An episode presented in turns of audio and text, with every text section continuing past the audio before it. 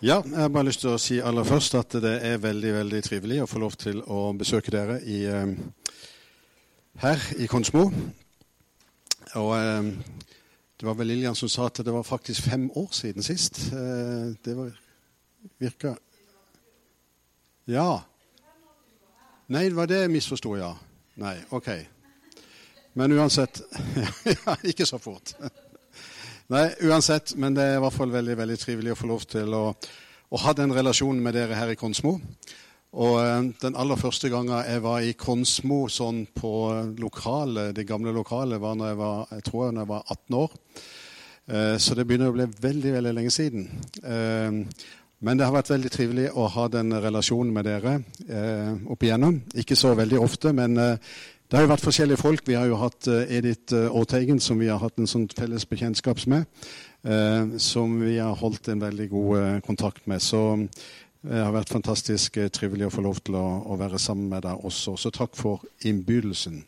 Veldig glad for det, at jeg får holde litt sånn kontakt med menighetene på, på Sørlandet. Det er alltid veldig, veldig interessant. det var jo trivelig å ha besøk fra Eiken. Betesta Eiken, der har jeg jo også vært eh, en del ganger. Eh, veldig trivelig å få lov til å hilse på dere igjen, og hatt mange koselige stunder med dere der oppe.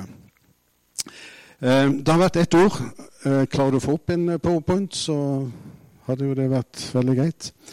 Men det er jo ofte sånn at når en skal tale, så går en og tenker og ber og sukker til Herren liksom, hva er det du vil ha fram denne dagen her.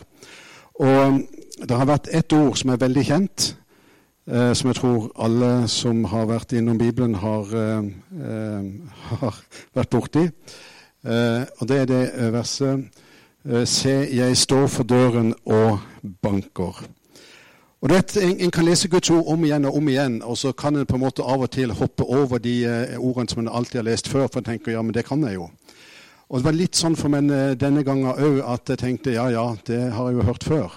Men så er det av og til at du får en liten sånn åpenbaring på, på eh, Det ligger noen mer lag og dyp, dypere tanker i, eh, i, ordene enn det som eh, normalt en tenker på.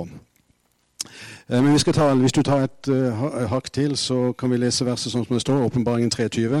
Se, jeg står for døren og banker. Om noen hører min røst og åpner døren, da vil jeg gå inn til ham og holde måltid, jeg med ham og han med meg. Um, og det som var på en måte Jeg hadde nesten hoppa over. Det var i hvilken eh, forbindelse dette verset står i.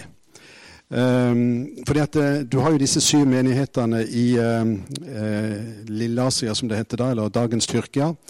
Og jeg fikk lov til å, Vi hadde tur med Bibelskolen for en god god del år siden og var, besøkte alle disse syv menighetene. Eh, og det var i min verden veldig veldig interessant. Nesten like interessant som å være i Israel.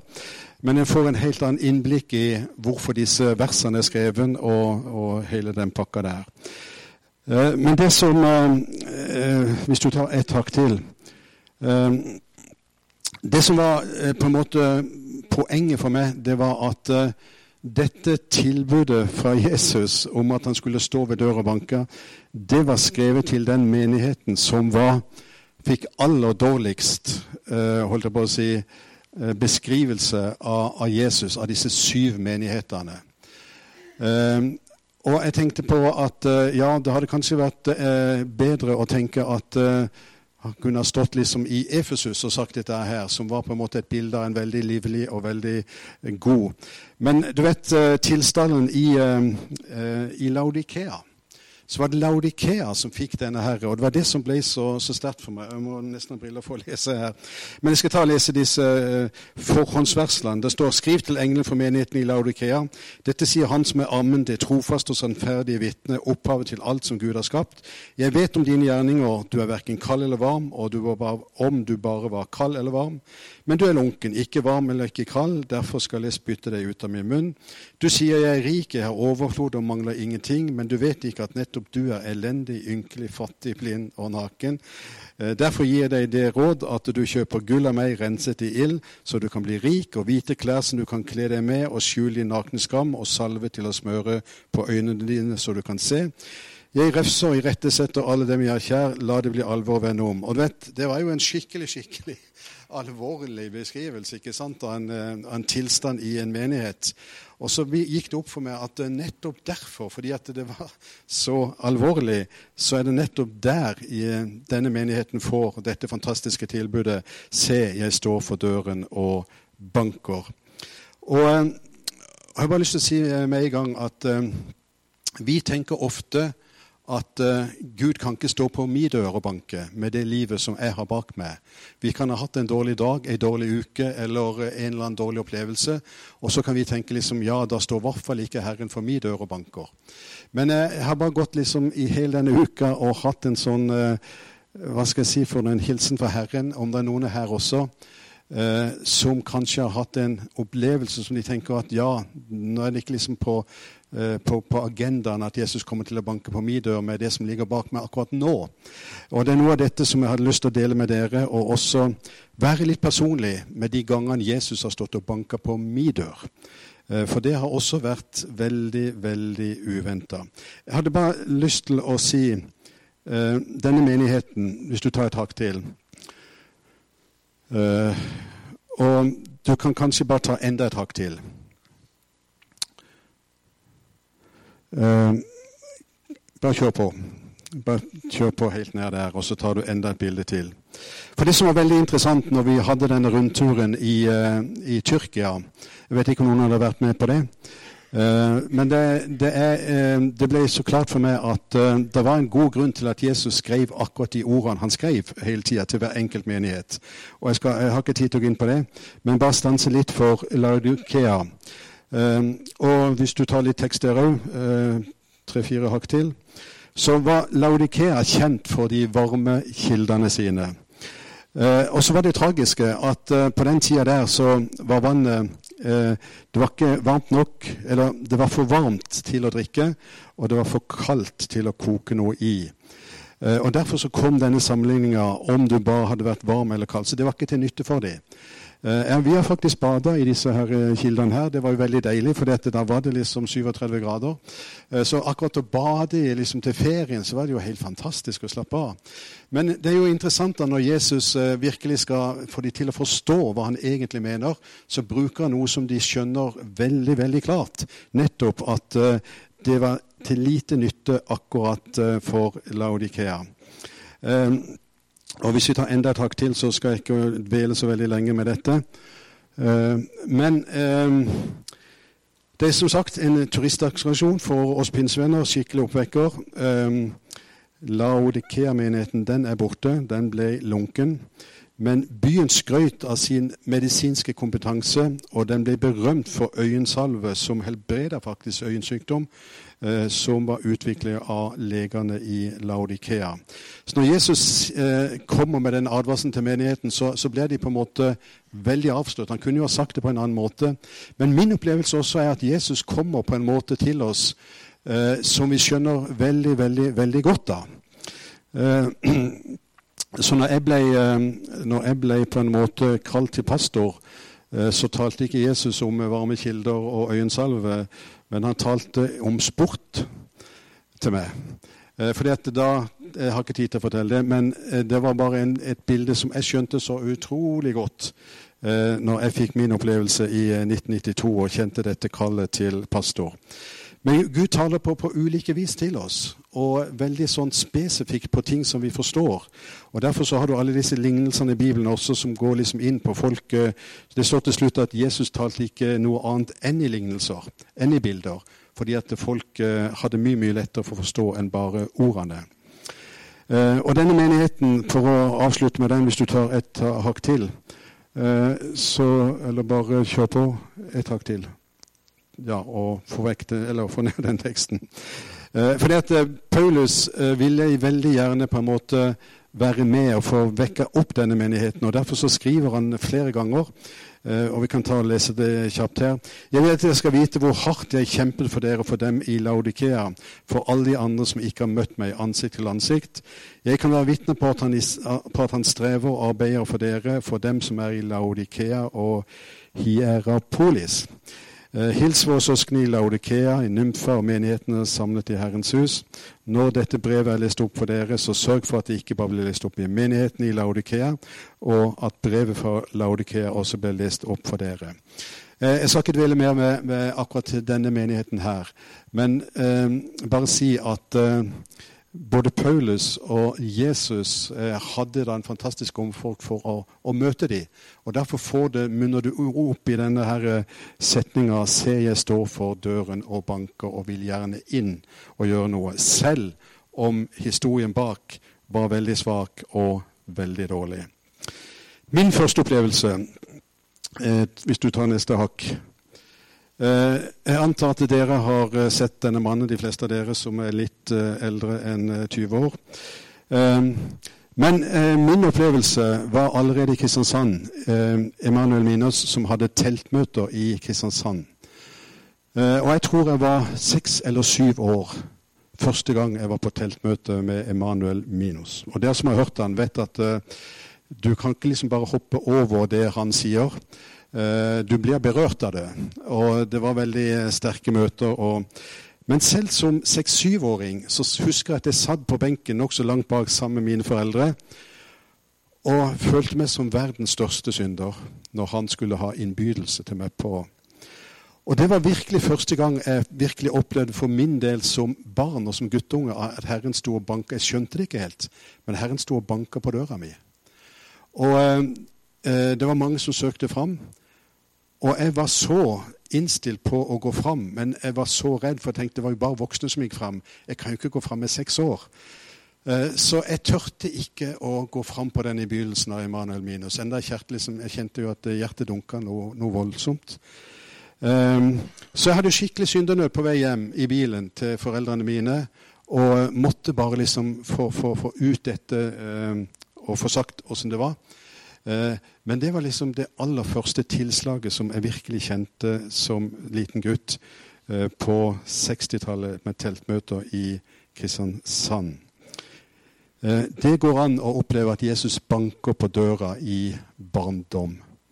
Og Derfor så må en ikke være så Jeg var veldig glad for at dere hadde så mange barn her. Det er jo fantastisk. Og så må en ikke undervurdere at Jesus kan stå og banke på disse dørene veldig, veldig tidlig. Ehm, jeg har jo vært med å formidle dåp. Eh, ja, jeg tror den yngste jeg har hatt, var syv eller åtte år. Men det er jo mange som, av barn som vokser opp i menighetene våre, som begynner å kjenne et eller annet veldig veldig tidlig. Og så er en av og til redd for oss tenker liksom, ja, men vi må jo liksom vente til de skjønner det og forstår det. Men mange ganger så forstår de veldig mye mer enn vi. Og hvis Jesus virkelig banker på, så må vi ikke undervurdere det som de kjenner på. For uh, jeg kjente at uh, hadde det vært en annen tradisjon hos oss i menighetene der, at uh, vi kunne gått fram uh, når vi var små, så tror jeg det hadde vært en veldig god opplevelse for, for min del.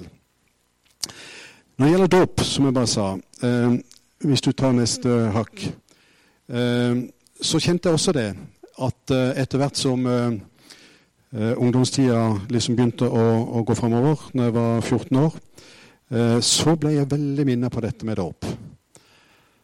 Og du vet, Det er jo fort gjort å liksom bare tenke ja, men det kan jeg utsette enda litt til og litt til og litt til. og litt til. Eh, men jeg kjente at eh, tida var på en måte nesten overmoden. Jeg var akkurat eh, fylt 14 eh, år.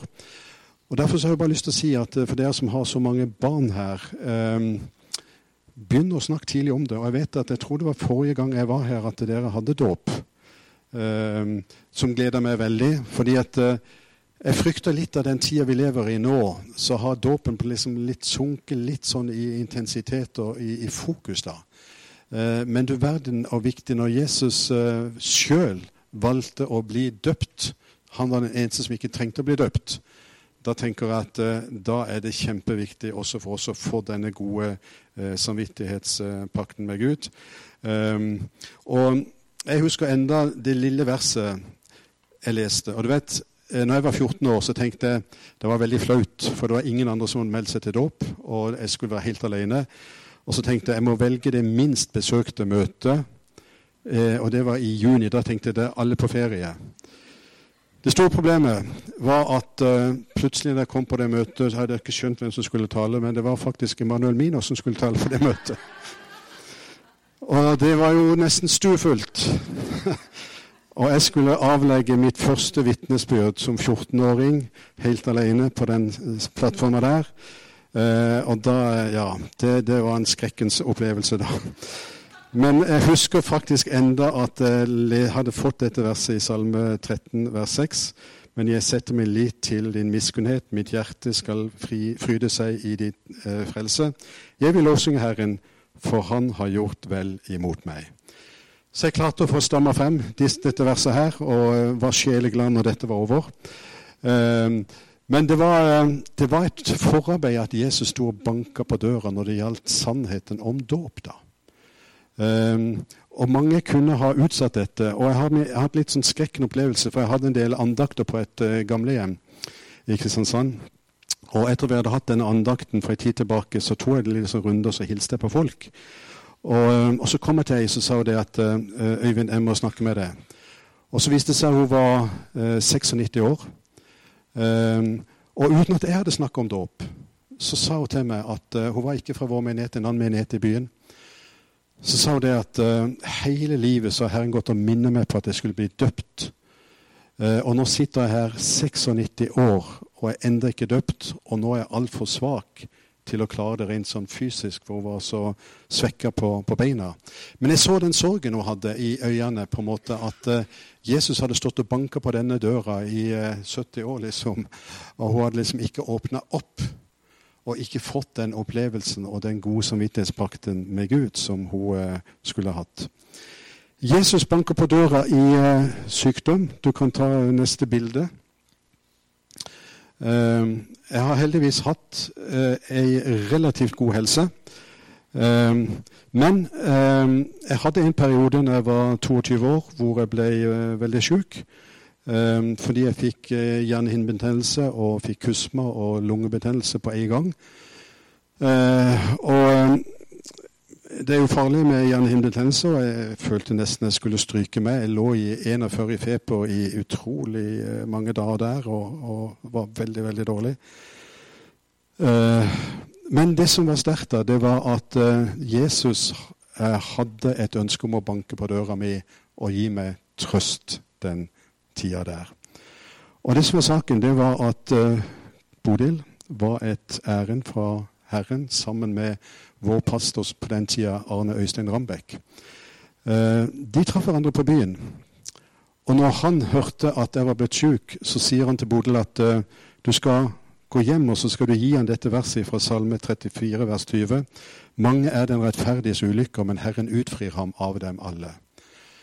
Og jeg kjente at uh, Det er jo helt utrolig hvor sterkt et ord kan bli være. Men jeg kjente så ufattelig sterkt at uh, når hun kom hjem, og jeg lå der i 41 feber og sa disse versene her, så var det akkurat som jeg uh, Du kan tenke deg et anker, da. som Det vet vi som har båt på Sørlandet. Det, det, fester du i, sjøen. Men det var akkurat som jeg fikk et ankerfeste i himmelen da.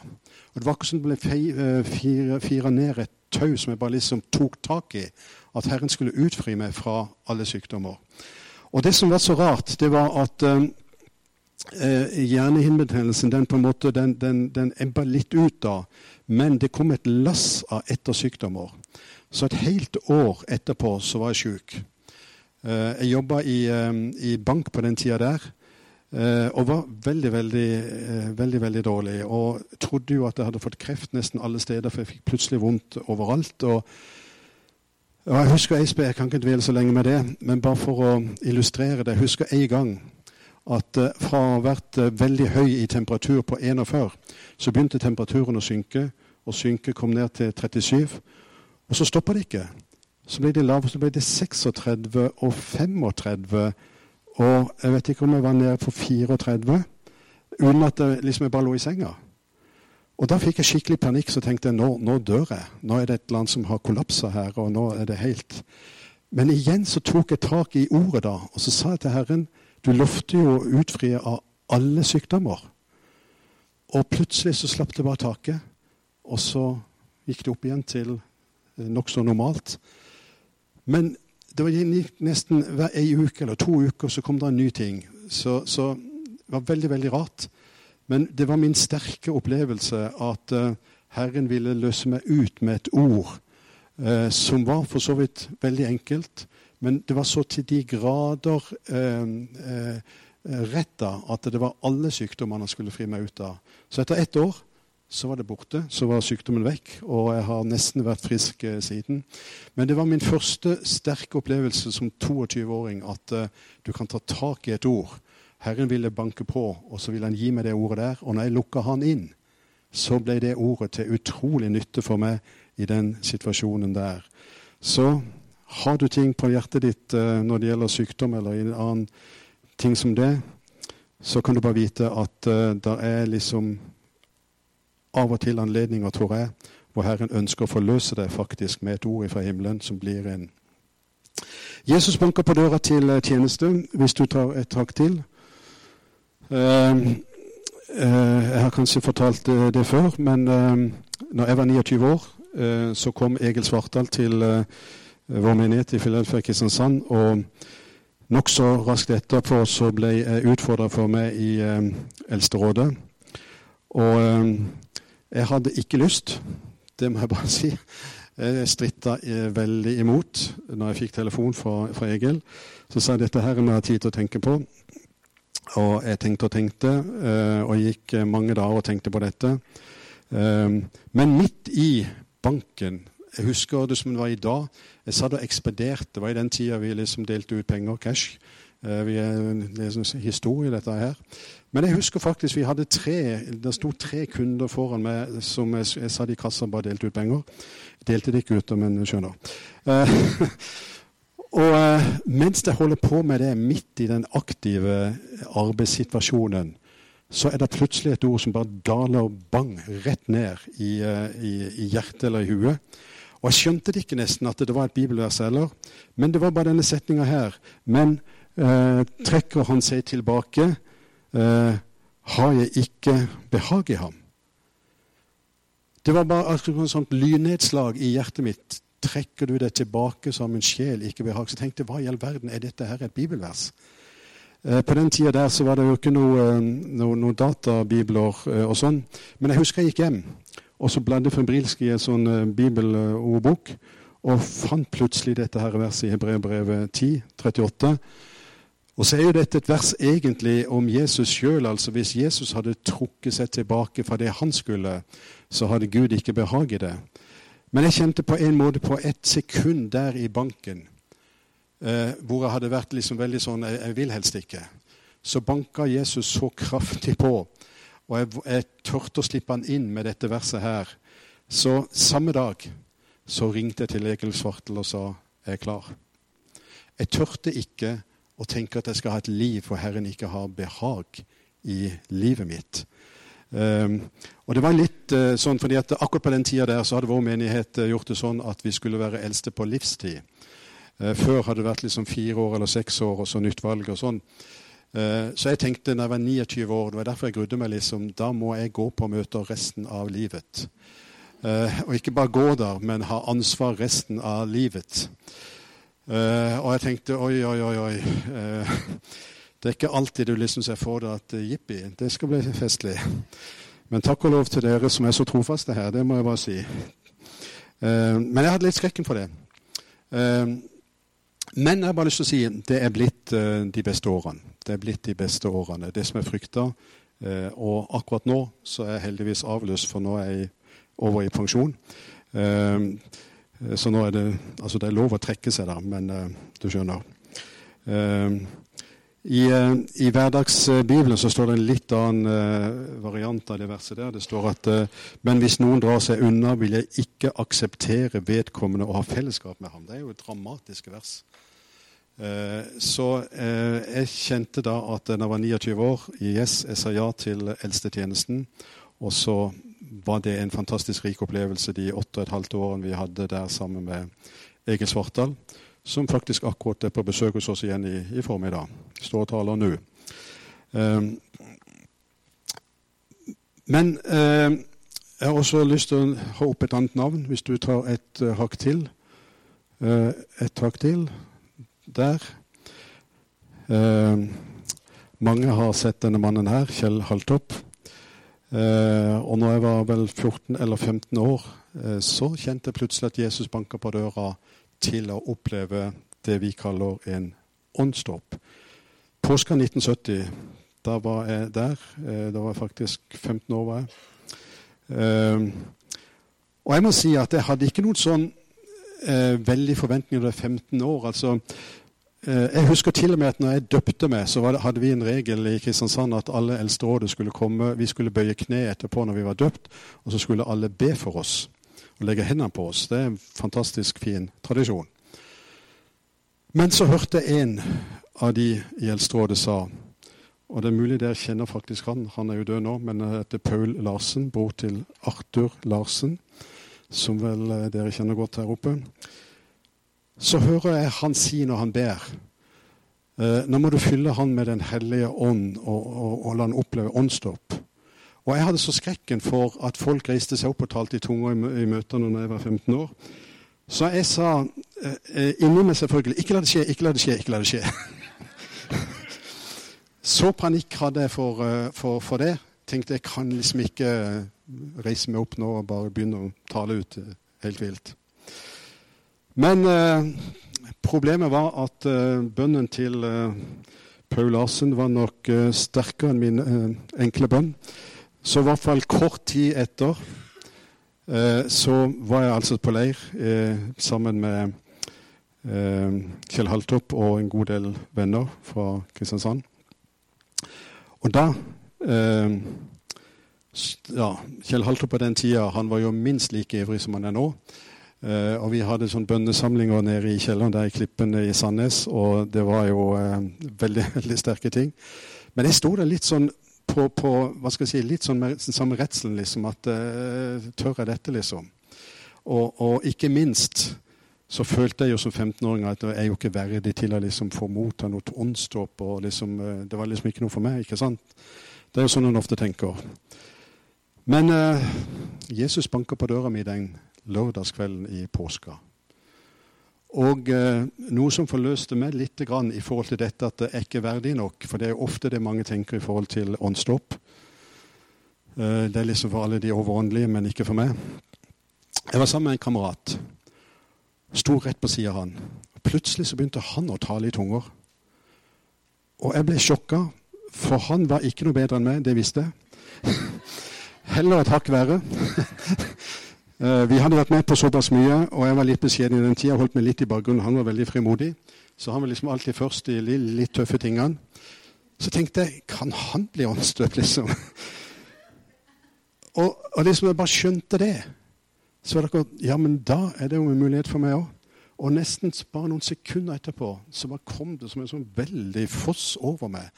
Uh, vi opplever jo åndsdåp forskjellig. Noen ganger får liksom bare kanskje ett ord. Eh, men jeg opplevde liksom bare få en sånn eksplosjon nesten i, eh, i, opplevelse. Og det var jo så herlig at eh, Og du blir fylt ikke bare av ord, men av en ja, guddommelig kjærlighet, altså. Jeg husker at vi, vi bodde sånn privat på den tida der, og disse bønnemøtene de varte så lenge at bussen var, var, var slutta å gå. Så klokka var halv ett når vi skulle hjem der, og det var et ganske godt stykke å gå. Men jeg var så overtent at jeg gikk nesten og klemte alle lyktestolpene som var på veien. Det er helt sant. Jeg tuller ikke engang. For at du bare kjente at oi, oi, oi, hva var dette her? Det var sånn en ekstremt overstrømmende uh, lykkefølelse. Uh, og jeg er jo så glad at Jesus banka på, og jeg klarte å åpne opp og slippe han inn. Og så er det mange som får dette her som en sånn, bare ett ord. De får ett ord. Jeg hadde en litt sånn trist opplevelse av ei i menigheten hos oss. Vi, vi, hadde en liten sånn uh, kaffepause etter et møte. Og Så ble vi talende som åndsdåp. Og, og, så sa hun til meg at uh, ja, jeg vet ikke helt om jeg er åndsdåp, sa hun, men, men, for en god del år siden sa hun, så fikk jeg ett ord. Uh, men jeg har liksom ikke brukt det nå. For det var liksom var sikkert noe hadde liksom du kan tenke at du bare plukker opp et ord fra noen naboen som taler i tunge, så, prøver du, og så, så, er det bare noe du har lært. Så hun eh, sa at det har jeg da, det er jo ikke ofte jeg blir sint, jeg blir ikke, men du skjønner, litt åndelig sint. Så tenkte jeg, jeg satt og pratet med den dama der Nå har djevelen lurt henne i jeg tror det var åtte år i å tenke at dette er ikke en åndsdåpsopplevelse. Og hun har lagt det vekk. Hun har egentlig ikke åpna opp skikkelig. Så sier jeg til henne nå må du love meg én ting. Hun bodde en halvtimes tid kjørt ut fra byen. Når du skal sette deg i bilen nå, så skal du love meg én ting. Du skal bare si det ene ordet ditt helt til du er hjemme. I de 30 minuttene du sitter i bilen nå, så skal du bare si det ordet om igjen og om igjen og om igjen. Og det fantastiske var jo at når hun hadde kjørt i ti minutter Jeg tror det er akkurat i det krysset hvor de nå eh, på den nye E18 i Kristiansand, når du kan kjøre på 110 og når du skal til Nordland, så er det et svær rundkjøring der. Det var ikke rundkjøring der, men det var akkurat der som Herren møtte henne med bare en eksplosjon av nye ord. Og det ble en sånn forvandling også i denne dama her at det som djevelen hadde prøvd å lukke til For når Jesus står og banker på døra, så kan du jo lukke igjen. Du kan liksom bare presse igjen den døra. Men hun hadde opplevd nå at nå åpna hun opp på vidt gap, og så kom den fantastiske opplevelsen av dette. Um, det siste jeg vil fortelle om uh, i forhold til min opplevelse, i hvert fall nesten det siste, uh, i forhold til pastortjenesten Hvis du tar et hakk til Ja, bare kjør på. Jeg tror vi Nei, ja, kjør Nei, du kan vente litt med den. Gå noen hakk tilbake, for det var et bilde her som Jeg har trøbbel med PC-en, så jeg var så Ja. Jeg har strevd litt med, med disse powerpointene. Men samme det. Men eh, bare for å uh, ta det siste der i forhold til mitt liv og banke på, på eh, så er det klart at eh, når jeg i 1992 opplevde at Herren møtte meg i sportssending, så var det veldig, veldig, veldig spesielt. Mulig jeg fortalte før, men jeg kan bare si veldig kjapt at jeg satt hjemme og så på en eh, sportssending, eh, friidrett. Eh, Geir Moen som skulle løpe 200 meter. Han var ikke veldig god i den tida der. Men han var akkurat blitt så god at han var begynt å nærme seg liksom verdenseliten. Så Norge skulle sende liksom et friidrettsstevne i Stuttgart, tror jeg det var. Sånn Grand Prix-finale. Og så var han akkurat ikke blitt god nok til å løpe i A-finalen, men han løp en B-finale. Og og jeg var veldig interessert liksom, Blir han så god at han liksom kan ta kampen opp med disse sorte sprinterne? Ofte fra USA og andre. Um, og um, jeg satt der liksom og tenkte liksom, ja, hvis han vet hvis han klarer liksom å vinne denne B-finalen, så rykker han opp. Um, og midt i denne svingen på denne 200-meteren så kjenner jeg for første gang kanskje Jeg tror jeg kan si at Herren talte ekstremt tydelig. Nesten så tydelig som Jeg, jeg har i hvert fall aldri hørt den så tydelig. Men det var en kort setning. Veldig kort setning. Og setninga var eh, Øyvind, du spiller på det åndelige B-laget. Og vet, Det var et kjempesjokk. Jeg skjønte med en gang poenget. For ingen var interessert i den B-finalen. Det var bare Norge. Og eh, jeg skjønte med en gang at Herren tok meg skikkelig, skikkelig hardt. Og du vet, når vi begynner å få noen tiltaler fra Herren, så begynner vi ofte å forsvare oss. Det er jo i hvert fall jeg. Så sa jeg ja, jeg er jo for så vidt på det B-laget der, men eh, tross alt, det er jo Eldsterådet. Liksom. Og så begynte disse her veldig nærgående spørsmålene fra Herren. Begynte Herren å spørre meg hvor mange som ble frelst med det du holder på med. Så måtte jeg tenke hvor lenge er det siden jeg har bedt med en synder? Og så tenkte jeg oi, det var ganske lenge siden. Så kom det neste spørsmål. Hvor mange blir liksom fylt av Den hellige ånd når du legger hånda på dem og ber? Og igjen måtte jeg tenke hvor lenge var det siden? Og igjen så var det liksom Ja, det var en stund siden. Um, og så kom den veldig lange avkledningsprosessen som for meg varte i uh, syv måneder. Fra mai 1992 og til november. Og um, hvor jeg følte at jeg måtte på en måte bare innrømme og innrømme at uh, det var liksom en total forvandling i mitt bønneliv som måtte til eh, hvis jeg skulle liksom inn i en tjeneste. Eh, og det er en lang, lang, lang, lang historie som jeg ikke eh, har tid til å fortelle akkurat nå. Men hvis det er noen gang Jesus har stått og banka skikkelig hardt på døra mi, så sto han og banka i syv, i syv måneder ikke ga seg. Så til de grader hver bidige dag kjente det der, der at uh, nå må du gi et svar. Uh, og jeg utsatte og utsatte og utsatte og ville ikke lukke han inn. Uh, helt til en dag, eller en natt nesten, kapitulerte og sa til Jesus at jeg skal love å være klar, men jeg kommer ikke til å løfte en finger for å bli pastor, sa jeg. Hvis det skal bli noe, så får du bare ordne alt. Jeg kommer ikke til å si det til en sjel. Jeg kommer ikke til å gjøre noen ting. Uh, og så la jeg meg. Og så fikk jeg jo min livs største opplevelse av et gudsnærvær når jeg våkna den morgenen etter at jeg hadde sagt ja til Jesus og skikkelig lukka inn. For det er jo det som står i verset, at hvis du åpner døra og lukker inn, da vil han gå inn og holde nattverd med deg. Og jeg har aldri opplevd en så intens opplevelse av Jesu nærvær som etter at jeg lukka han skikkelig inn i forhold til pastortjeneste. Um, så jeg husker at jeg våkna klokka fem den morgenen der, ble liggende uh, helt stille i seks timer, tror jeg. Jeg tror det var en lørdag. Um, og turte ikke å bevege meg, for jeg kjente at gudsnærvær var så utrolig sterkt. Jeg hadde vært på mange møter, mange ettermøter, men jeg hadde aldri kjent det så sterkt noen gang i mitt liv. Um, og det gikk seks år før det ble noe. Men det rare var at uh, fra den dagen av hvor jeg sa til Jesus at du får bare ordne alt, så begynte de rareste telefonene å dukke opp. Jeg hadde aldri vært og talt noe sted. Plutselig så begynte det å ringe rundt ifra veldig mye her inne i Indre Agder. Så jeg er veldig godt kjent i Indre Agder. De rareste stedene. Eh, jeg satt i Bolle vi kjørte oppover her, eh, for det var en liten sånn stikkvei langt inn på, eh, i Finnsland. Og vi skulle bare opp liksom på Det var nærmest bare en liten sånn bibelgruppe. Men du kjører jo mange mil. Og jeg var langt på andre steder òg. Og alt i verden, ut av ingenting, så får jeg telefon fra presten i Lyngdal kirke og spør kan du komme og tale på en høymesse i Lyngdal kirke. Jeg tenkte, Hvorfor i all verden spør du en bankmann om å komme og tale i Lyngdal kirke? Så jeg fikk sjokk. Men det var så mange utrolig rare opplevelser at uh, når jeg hadde bare sagt til Jesus jeg kommer ikke til å løfte en finger, så begynte bare Herren å åpne opp rundt forbi alle veier. Og så kunne jeg stått i mange timer og fortalt om alle de rare tingene der, men det skal jeg skåne deg for.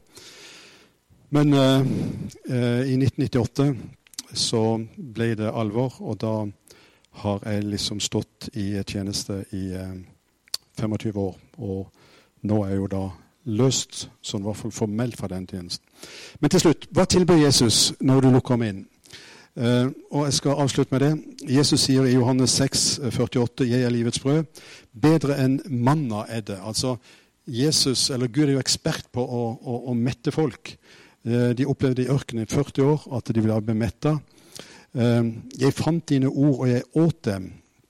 I Hverdagsbibelen så står det 'Jeg fant dine ord, og jeg tok dem til meg'. Og Det er jo fantastisk å lese Guds ord og virkelig oppleve at du tar til deg ord, og så blir det, som jeg fortalte om når jeg var sjuk Du får et vers, ikke sant, og så kjenner du bare Oi, det blir virkelig en sånn fantastisk verdi for deg. Eh, så sier Jesus faktisk seks eller syv ganger bare disse enkle ordene 'jeg er'. Og så kommer der fantastiske tilstander. Eh, Johannes 8,12.: Jeg er verdens lys. Og Jeg kjørt, hadde kjørt eh, til eh, kontoret her en dag et eh, par, par, år siden. Så var det sånn veldig mørk november, det var veldig disig. Eh, og sånn. Så kommer jeg til et sted på, på Lund i Kristiansand eh, hvor jeg plutselig får et spørsmål fra Herren rett foran et fotgjengerfelt. Så sier Herren, 'Tør du å slå av lyset på, Bibelen, på bilen?' Så tenkte jeg nei, det er jo livsfarlig å slå av de nå. For det er liksom Ja, det er lett å, å, å ikke se folk som kommer ut i veien akkurat der. Og så sier han til meg at ja, men det er utrolig mange kristne som leser uten lys. Eller som lever uten lys.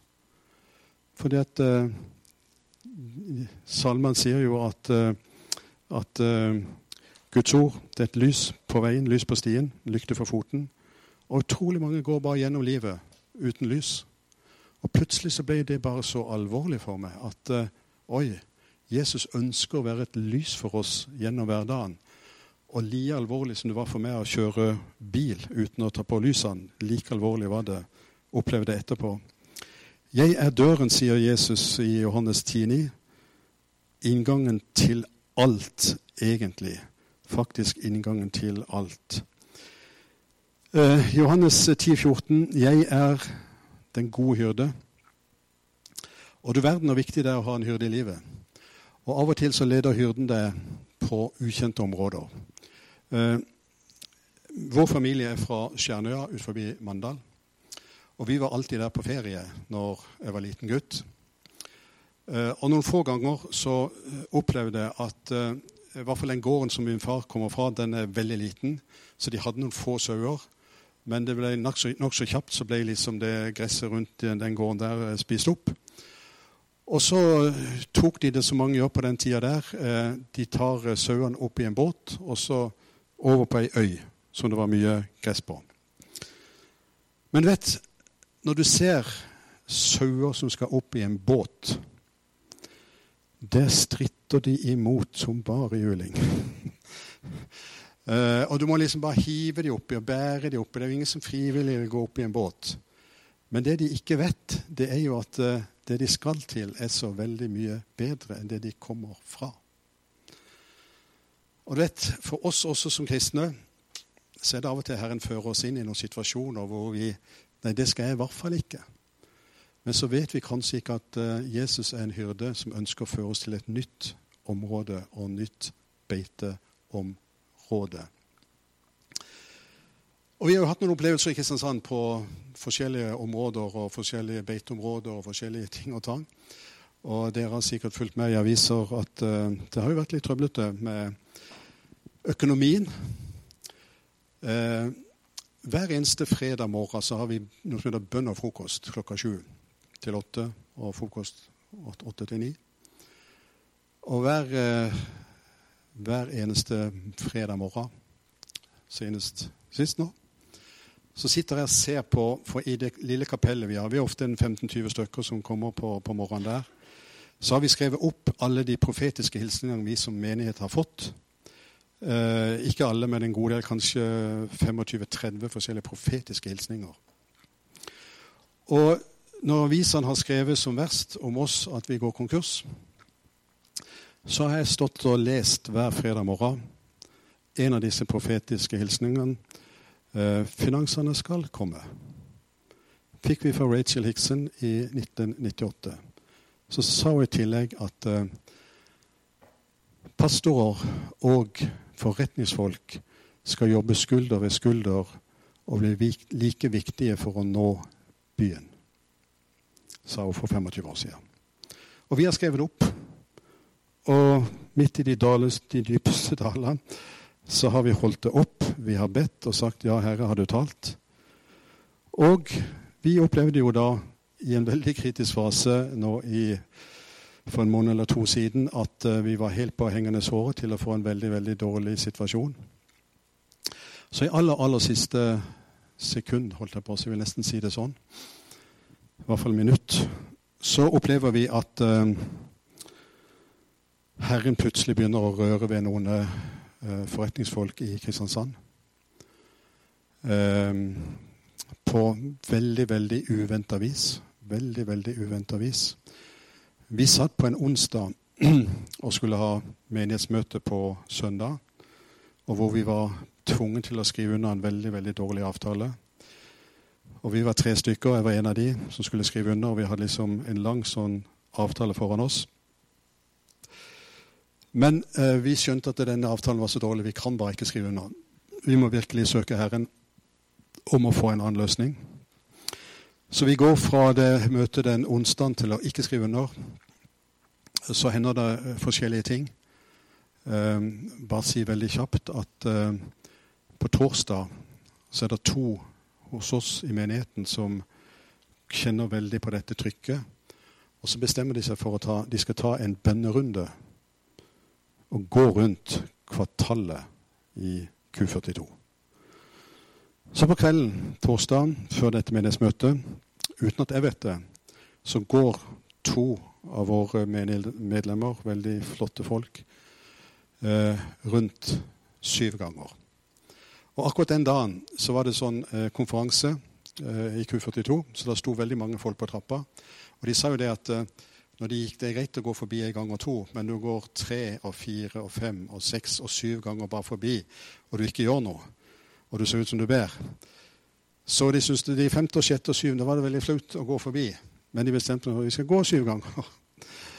Ehm, så på torsdag så begynner da ting å skje.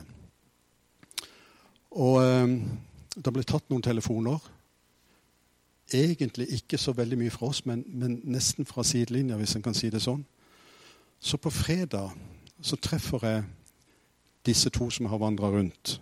De vet ikke noe hva vi ikke har skrevet under på onsdag. Så Ja, helt utrolig. Men så sier jeg til han ene da, som hadde gått i sesjonen Du, vet du noe? Nå har vi begynt å få noen veldig positive signaler som gjør at vi antagelig kommer til å få en løsning. Og han ble jo sjokkerende glad. Det å ta en tros, sånn en trosvandring midt i sentrum i Kristiansand eh, uten at han visste noe om hvor på en måte alvorlig det var. Men denne fredagen så skjer det veldig veldig, veldig mye på kort tid. Og når vi kommer på menighetsmøte på, på søndagen, eh, så får vi bare gitt beskjed om at vi, den avtalen som banken hadde tilbudt oss, som var ekstremt dårlig, den annullerer vi, og så satser vi på at det blir en løsning. Og det er et mirakel av dimensjoner, det må jeg bare si, som enda ikke er kommet ut i avisene, men jeg tror den kommer ut i denne uka som kommer nå. Eh, hvor, hvor, flere av disse har gått inn med flere titalls millioner og gitt oss en avtale som bare er ufattelig god. Jeg kan ikke gå inn på det, for det, eh, er litt sperrefrist på alle opplysninger. Men hvis dere følger med i avisen nå i, i neste uke, så tror jeg det kommer en god del. Men det er et fantastisk mirakel, da men jeg har bare lyst til å si at eh, for min del har troen vært at jeg i 30 år har sittet og sett på en profeti. Finansene skal komme. Og det har holdt meg oppe, det har holdt mange andre oppe. Eh, Jesus er virkelig. Nå skal jeg avrunde på øyeblikket. Vi var kommet til fire, fem og seks, så skal jeg slutte umiddelbart. Bare si kort, når han sier 'jeg er oppstandelsen og livet' det er jo fantastisk å oppleve det at når, når folk opplever virkelig opplevelse eh, Si veldig kjapt at jeg, skulle, jeg ble kalt ut til en eh, veldig alvorlig syk mann som lå på det siste i kreft. Når jeg kommer ned, eller inn på dette rommet, så vet jeg fra Jeg kjente han ikke, men jeg visste de hadde sagt til meg at han var ikke frelst. Uh, og så hadde han ligget og planlagt et spørsmål til meg, denne mannen som lå på dødsleiet. Uh, og spørsmålet var nesten en gang vi fikk satt oss ned der, så sa han du Øyvind, jeg er jo ikke noe kristen. Men, sa han, jeg bare lurer på én ting. Uh, kan jeg liksom komme inn i himmelen allikevel? Og så sa han det at uh, det er i hvert fall én ting jeg kan si. Og det er at jeg har ikke levd et så veldig bra liv, sa han. Men det er en god ting jeg har gjort. For han hadde en veldig sjuk mor. Så sa han det at i lang, lang tid så har jeg tatt vare på mora mi og virkelig stelt til Så sier han et spørsmål til meg. Er det nok til at jeg kan komme inn i himmelen? Og du vet, Når du ligger med en kreftsyk mann på dødsleiet, så har du jo lyst til å si ja. Men jeg kjente jo med en gang at uh, nå var i hvert fall Jesus og banka på døra, og nå er det bare spørsmål å få lukka han inn. Og jeg måtte jo bare si nei, det er ikke nok. Liksom, du kjenner jo at han synker litt sammen. Men så sier jeg, veldig kjapt å si, men jeg vet én ting som er nok. Og så måtte jeg begynne bare i løpet av noen minutter der å fortelle han den enkle veien til himmelen. Hva Jesus hadde gjort, at Jesus var nok. Og I løpet av en enkel samtale så opplever du virkelig det Jesus sier, at han er oppstandelsen og livet. At han ble livet for denne mannen. Og kort tid etter så døde han, men jeg bare vet at han tok imot Jesus. Og så sier eh, Jesus til slutt hadde også dette kjente verset er veien, sannheten og livet. Og du vet, Det verset der det kommer ut av et, en, en, mann som tviler veldig. Så det er ikke farlig å tvile. Du kan få veldig gode svar. Så det var Philip som sier til Jesus eh, For Jesus sier at eh, han skal komme og hente dem. Det er Jesu avskjedstale. Så sier Philip ja, men vi vet jo ikke veien. Hvordan i all verden skal vi komme der? Så sier Jesus dette svaret. Jeg er veien, sannheten og livet. Og dette enkle svaret på, på vegne av en som tviler, har blitt til hjelp for så utrolig mange. Så utrolig mange. Så jeg skal slutte der. Eh, men hele poenget som jeg kjente Herren la på hjertet mitt, var at eh, Jesus står på døra og banker. Og jeg vet ikke hvilken dør han banker på i ditt liv. Eh, kanskje det er dør inn til tjeneste. Kan det være en dør til åndelige ting? Hva vet jeg? Og kanskje du har tenkt i ditt liv at ja, men Jesus kommer aldri til å banke på min dør. For jeg er jo sånn og sånn. Men legg merke til at det var alle disse dørene som Jesus Det var ingen som ville banke på døra til Sakkeus. Det var ingen som ville banke på døra til kvinnen ved brønnen, til Maria Magdalena. Du kan ta hele gjengen. Jesus sto og banka på døra til de som overhodet ikke fortjente det. Og jeg følte òg at hvorfor i all verden skulle jeg ha noe kall i noe som helst? Jeg hadde ingen anlegg eh, på noe som helst. Men bare Herrens ufattelige nåde at han banka på min dør fra jeg var seks år og har holdt på med det siden. Eh, så jeg bare så utrolig takknemlig for, for Herren. Men jeg takker deg, Jesus, for at eh, ditt ord står der, det er levende, og det er kraftig. Og Derfor vet jeg her at uh, når ditt ord blir delt ut, så er det sånn at uh, det kan skape liv, det kan skape glede, det kan skape trøst, det kan skape forventning. Om det sitter noe også i denne salen her i Kronsmo, Herre som kjenner at Jesus i disse dager står og banker på i en eller annen retning, så har jeg bare lyst til å be Herre om at de skal få lov til å åpne døra og lukke det inn. For da bare vet jeg at eh, det kommer til å skje dramatisk gode ting, Herre. Så takk at du er med oss denne formiddagen. Og jeg har lyst til å be om velsignelse, stor velsignelse over lederskapet i denne menighet, over hele forsamlinga, over dette stedet Konsmo, Herre. La det lykkes, Herre. La det bli glede og fred her i dette stedet, Herre. La oss få lov til å oppleve at du vekker opp mennesker, at du, du banker på stadig nye dører til folk skal bli frelst og møte deg. At du banker på døra til disse som er barn nå, som er på søndagsskole nå, Herre. Herre, takk at bare noen små ord kan være med og åpne disse dørene også, og bli en hjelp resten av livet. Så jeg bare takker deg, Herre, i Jesu navn. Amen.